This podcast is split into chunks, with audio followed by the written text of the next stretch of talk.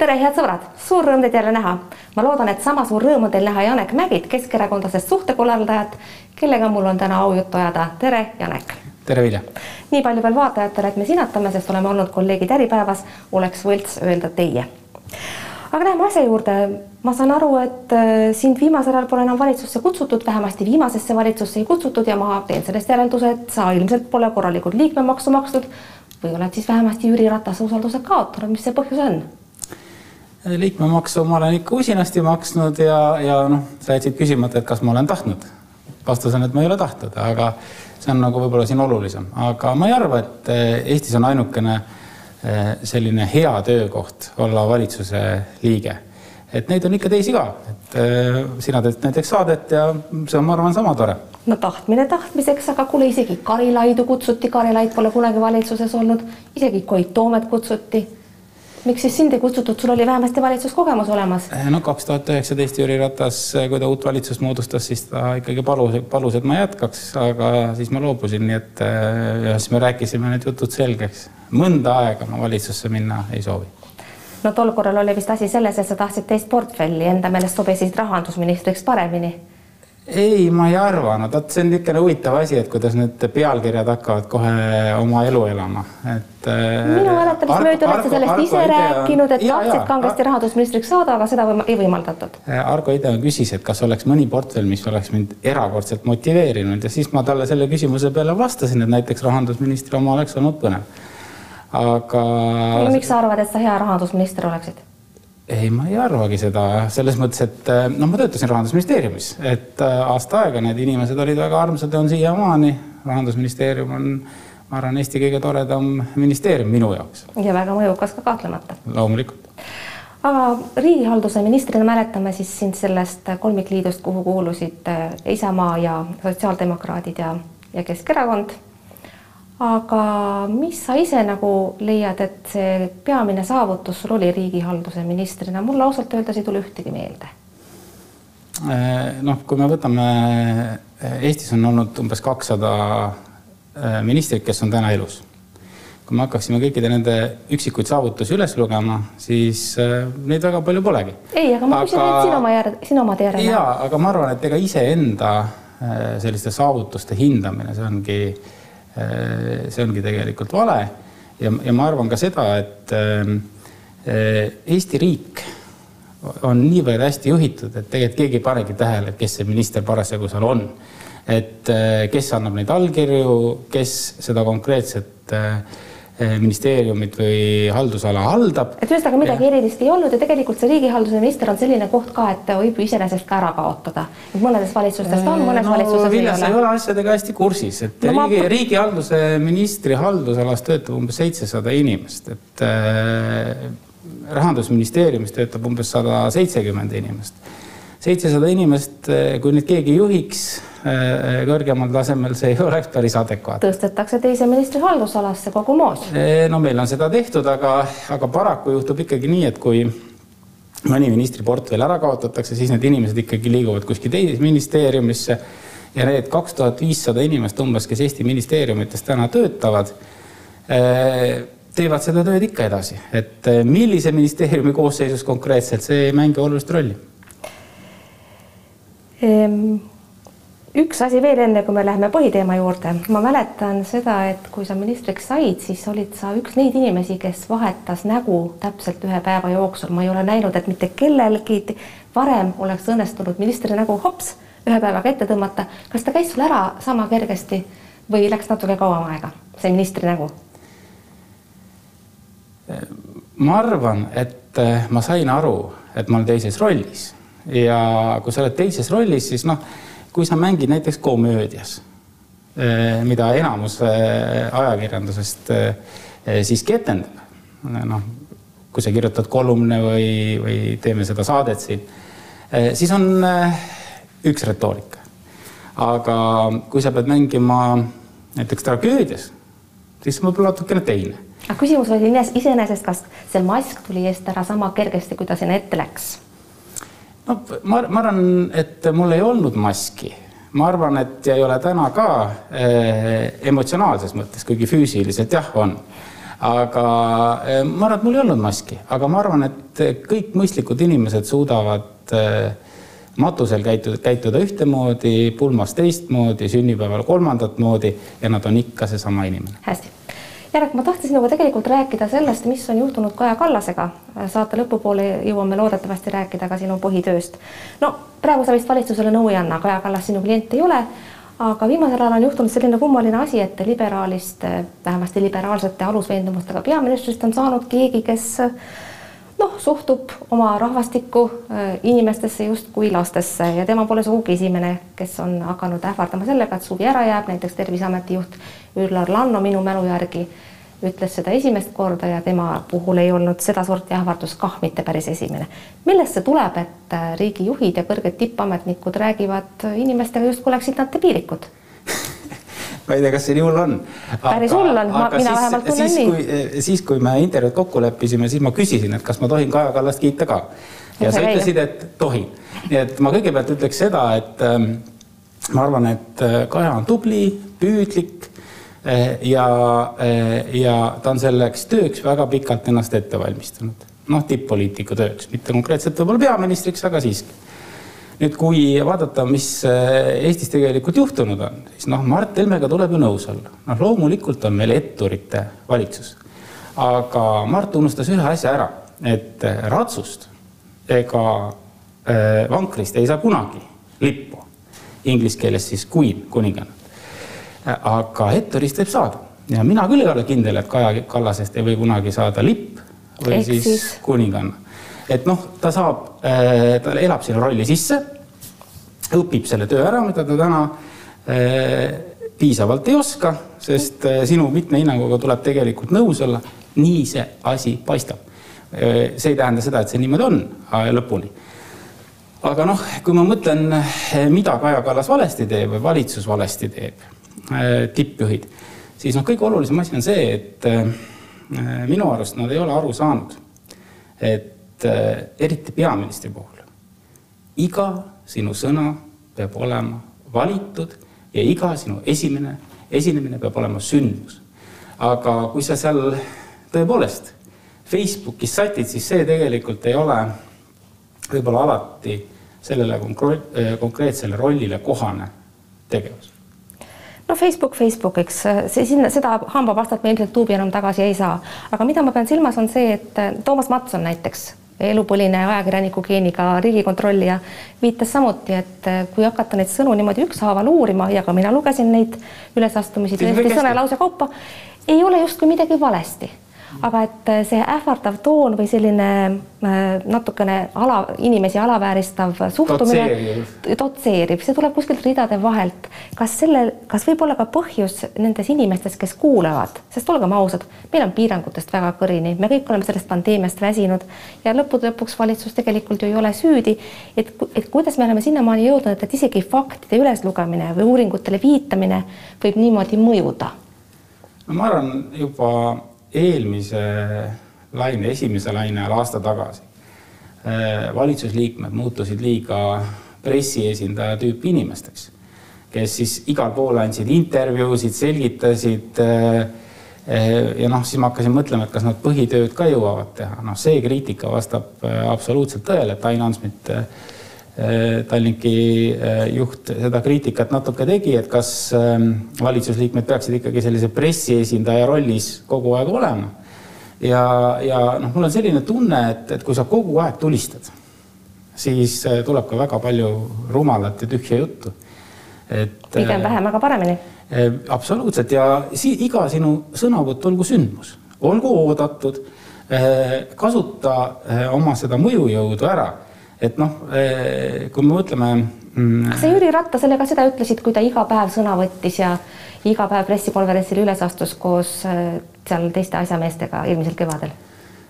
noh, eks ma olen Jüri Ratasele igasuguseid asju öelnud, ka neid asju, mis talle võib-olla pole väga meeldinud ja neid asju, kas, mis oled meeldinud, see on nagu perekonnas, et noh, perekonnas ikka suhtled natukene avatumalt võib-olla kui. Keskerakonnas sulle nagu perekond, kui armas noh, sõbrad ja Jüri Ratase kohta ma julgeks seda vähemalt enda poolt küll öelda, et sõpradele ikka ütled rohkem kui võib-olla, mm, võib-olla siis inimestele tänavalt ja sõbrad on ikkagi perekonna osa.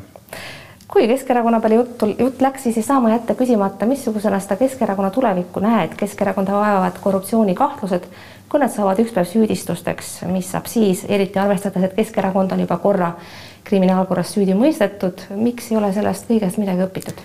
no kui me võtame nüüd niimoodi, et me laiendame äh, ühe inimese või kümne inimese või, või ka suurema hulga inimeste süüdistuse kogu viieteist tuhandele inimesele, kes erakonnas on siis noh, see kindlasti pole õige ja kui me vaatame Eesti erakondade vahelisi piire, siis äh, neid ka peaaegu ei ole, on olemas inimesed, kes on Janek, palun, Janek, palun vasta küsimusele. küsimus oli, mis, mis saab Keskerakonnast siis, kui nendest korruptsioonikahtlustest saavad süüdistused? no Keskerakonna valija on Eestis olemas ja see, nende hulk on seal viiendik, korruptsioon ei mõjuta? viiendiku või veerandi hulgas ja ei, noh, juhid võivad ju vahetuda et ongi vahetunud. Sa viitad, sa viitad võimalusele, et äkki Jüri Ratasest saab president ja siis peab hakkama erakonda juhtima keegi teine? ei, ma ei viita sellele võimalusele. minul oleks isiklikult väga kahju, kui Jüri Ratasest saaks äh, president. Äh, miks? ma arvan, et see on väga igav töö.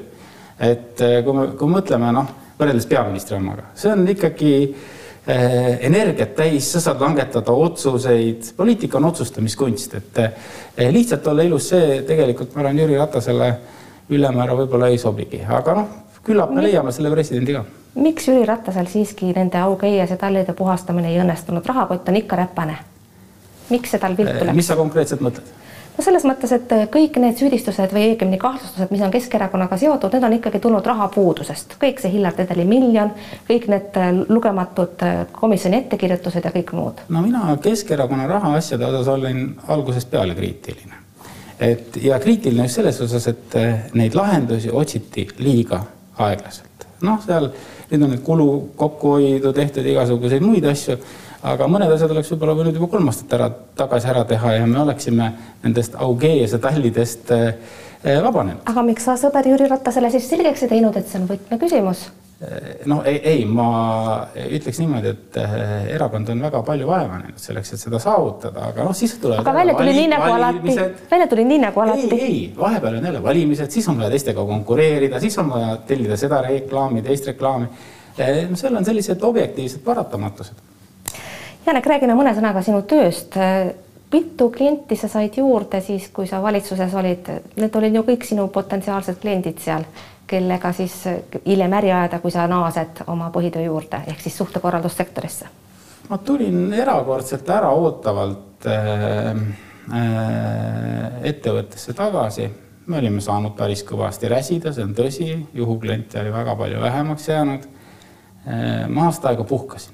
ma võin öelda, et see aeg, mis ma valitsuses olin, ma ei teinud sisuliselt mitte midagi sellist, mis mulle ei meeldinud ja mis nõudis mult erakordset pingutust. kõik, mis ma tegin, ka töö, see oli tore, see oli vaimustav, valitsuse liige on olla tegelikult väga kihvt. oota, mida sa tahtsid praegu öelda, et sa valitsuse aga... liikmena ei tegelenud suhtekorraldusega või? no aga see on ju elementaarne aga, või kuidas? aga nüüd ütleme, et mis pärast juhtus, äh, oli see, et äh, kui ma tulin äraootaval positsioonil ettevõtlusesse tagasi, mõtlesin, et kas ma suudan ettevõttega jätkata, siis äh, selgus, et me saime väga palju uusi ootamatuid kliente ja, ja noh, eks ma, kui ma ausalt ütlen, siis ma teen praegu sama palju tööd, kui ma tegin aastal kaks tuhat viis, kaks tuhat kuus, kaks tuhat seitse kaks tuhat kaheksa, et kus oli nagu noh, erakordselt palju pingutust ja kahekümnetunnised tööpäevad ei olnud üldse mingid haruldused, nii et praegu ma ka ikkagi enne kaheksat alustan ja vahest lõpetan ka enne kaheksat miks sa ei ole oma firmale uut nime pannud, minu meelest Yes Minister sobiks väga hästi, arvestades, et sul on seal eksministrid Marko Pomerants ja Andre, Andres Anvelt. no ma arvan, et meie kaubamärk eh, ütleb kõik, mis meie maja sees on. millega see Andres Anvelt üldse tegeleb praegu peale Hubert Hirve ees vabandamise? Andresel on päris mitu ägedat tööd ja eh, noh, Andres on tegelikult väga eh, selline tugev intellektuaal, ma ütleks. aga mis need tööd on muidu? Noh, kas ma peaksin kõiki tema konkreetset kliendiportfelli avalikustama? ma oleksin ma... väga huvitatud. Eh, aga ma ei ütle aga Marko... pärast, pärast saadet võin rääkida aga Marko Pomerants tegeleb endiselt nende Huawei asjadega, jah? Eh, ja eks me kõik tegeleme mingil määral Huawei asjadega ja kõikide teiste klientidega ka, aga ma võin öelda, et nad on väga hästi koormatud minu arust eh, tervikuna, eriti arvestades sellega, kuidas ma aasta aega tagasi ühiselt mõtlesime, et, et kuidas me võime käima minna. ma arvan, et ettevõttel läheb praegu väga hästi kui ma meenutan seda lugu, kuidas Huawei'd esindav Marko Pomerants osales Isamaa fraktsioonile korraldatud infotunnis, mille korraldasid Välisluureamet ja Riigikantselei, siis mul ausalt öeldes hakkas kergelt sees keerama, mis riik see säärane on, kus säärased asjad toimuvad. kas teil endal natuke imelik ei olnud? see Postimehe saade, kus ma pool tundi lobist rääkisin ja mida sa kahjuks näinud ei ole, seal ma natukene seda selgitasin. Aga no aasta aega tagasi või tegelikult nüüd tänaseks juba märkimisväärselt rohkem. Marko oli suhtekorraldajana ikkagi veel algaja, aga poliitikuna täisproff tänaseks hetkeks on ta mm, professionaal mõlemas vallas ja ma ütleks nii, et mina sinna ei oleks sattunud, aga vot selline õhine põhine asi natukene oli selle konkreetse juhtumi taga kas sul endal tookord natuke piinlik ei olnud, see tegelikult heidab ju sinu firmale ka varju, et asjad niimoodi käivad, mitte ainult riigile, kus sellised no, asjad toimuvad? ma arvan, et Marko tegelikult ei teinud mitte midagi sellist äh, salajast nurgatagust, ta tegelikult küsis isegi, et kas ta võib sinna koosolekule tulla, talle, kui ma õigesti mäletan, siis äh, fraktsioonikaaslased, kelle käest ta küsis, ütlesid jah, loomulikult. Noh, ta on ikkagi Isamaa eestseisus liige ja kõike muud sellist. ma tegelikult äh, ei näe, et äh, see väike tööõnnetus nüüd äh, oleks midagi, mingit käekirjalaadset, ei ole. no praegu teil kuluks. Marko on ikkagi Marko on ikkagi, ma usun, et leidnud endale täiesti uue eriala Pomerants on siiski Isamaa liige ja edasi täpselt Isamaa liige, edasi täpselt samamoodi nagu sina oled Keskerakonna liige. vastab tõele. Äh, Andres Anvelt on sotsidest välja astunud, aga me ikkagi mäletame, et ta sinna kuulus ja jääme igavesti mäletama, vähemasti mina jään mm. -hmm. aga siis praegu kuluks teil hoopis ju hoopis mõni Reformierakonna taustaga minister ära või eksminister, sest Sutiga peab vist asju ajama nüüd Pomerants ei, võib-olla ei lähegi nii hästi. ei, läheb tegelikult on selline huvitav. erakondlik mõistmine ehk. ei, ei huvitav on see, et need inimesed on kõik koos töötanud ja noh, erinevates valitsustes, ega valitsuses inimesed ei kakle kogu aeg omavahel, nagu nad ajakirjanduses vahest teevad. Eh, erinev, mina mäletan kõik eh, sotside ja Isamaa ministrid, kes meil olid, need olid väga meeldivad inimesed. Ja see erakonna piir on selline kunstlik, ma arvan, et noh, ma võin helistada paljudele isamaalastele, sotsidele, reformierakondlastele, nendega suhelda ja isegi sõber olla kas selle Huawei asja puhul näiteks sinul endal või mõnel teisel siis sel samal Pomerantsil mingid sellised noh, eetilised markerid ei hakka natuke sügelema, kui te seda asja ajate, et äh,. noh äh, äh, ei hakka. ei hakka? ei, ma arvan, et äh, noh, loomulikult äh, kui me korra mõtleme, kelle, kelle huve, huvides siis noh, tegelikult tööd teeme, siis noh, ega siin on peamine kahjusaaja Eestis, kui see piirang nüüd tuleb, on ikkagi Elisa, Soome, osaliselt Soome riigile kuuluv ettevõte. Ja mm, noh, konkurendid võivad neile öelda, et te olete valesti investeerinud ja mis iganes, aga aga see on üks küsimus, aga noh, teine küsimus, et loomulikult me ei suuda siin rahvusvahelist poliitikat mõjutada ja ma jälgin äh, välisajakirjandust äh, erilise hooga ja noh. Äh, Huawei kohta kirjutatu ausalt öeldes võtab mõnes kohas ikka hinge kinni. Noh, Hiina kohta rohkem. Hiina kohta rohkem. Hiina kohta rohkem, et Huawei kohta ma ei leia, et tegelikult oleks midagi väga halba, et noh, selles mõttes, aga, aga kindlasti ma arvan, et see on kaubandussõda. kindlasti ma arvan, et see nagu Economisti viimane number kirjutas, et Hiinast on saamas maailma kõige võimsam majandus ja sealt tulenevad erinevad julgeolekuohud, no see on ju tegelikult peamine sõja põhjus tegemist on diktatuuririigiga. tahaks rääkida mõne sõnaga lobi heast tavast, milles siis hiljaaegu lepiti kokku ja mis ei ole vormunud seaduseks, vaid on just sõnastatud sellise hea tava nõuannetega. Ehm, ministrid ja nõunikud siis peaksid seal oma isiklikud huvid hoidma lahus ja noh, hoolitsetakse sellest huvide konflikti ei tekiks. aga mis mõte sellel on, kui seadust täitmist ei kontrolli? no justiitsminister Maris Lauri ütles õigesti, et see on esimene samm selle korra loomisel, noh, võib-olla tuleb seadus ka. Eh, juba vist kolmapäeval on eh, ministri juures, see on küll siis virtuaalselt selline väike tutvustav üritus, kuhu ma olen ka kutsutud, seal on, ma arvan, enamus suhtekorraldusbüroode ja, ja valitsussuhetega tegelevate ettevõtete esindajad esindatud. et noh, ma arvan, et tahetakse luua sellist korda, mis oleks kõigile üheselt aru saada. asja üks mõte võiks olla ka see, et sinusugused ei liiguks ministriametist suhtekorraldusse ja sealt tagasi hops-hops.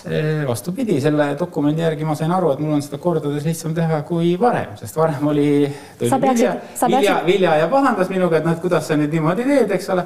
aga siis, kui me seda dokumenti loeme, siis oluline on see, et sa ei lähe sinna valdkonda Eh, kus sa oled siis ütleme kedagi konkreetselt selles valdkonnas esindanud ja mingisuguseid eh, eh, töid teinud, aga noh, kui näiteks minu puhul, et kui ma tahaks kaitseministriks saada, siis ma ei ole mitte ühtegi kaitseteemalist tööd võib-olla teinud või, või, või tervishoiuministriks ja kui ma olen, siis ma seda portfelli tegelikult ei peaks võtma.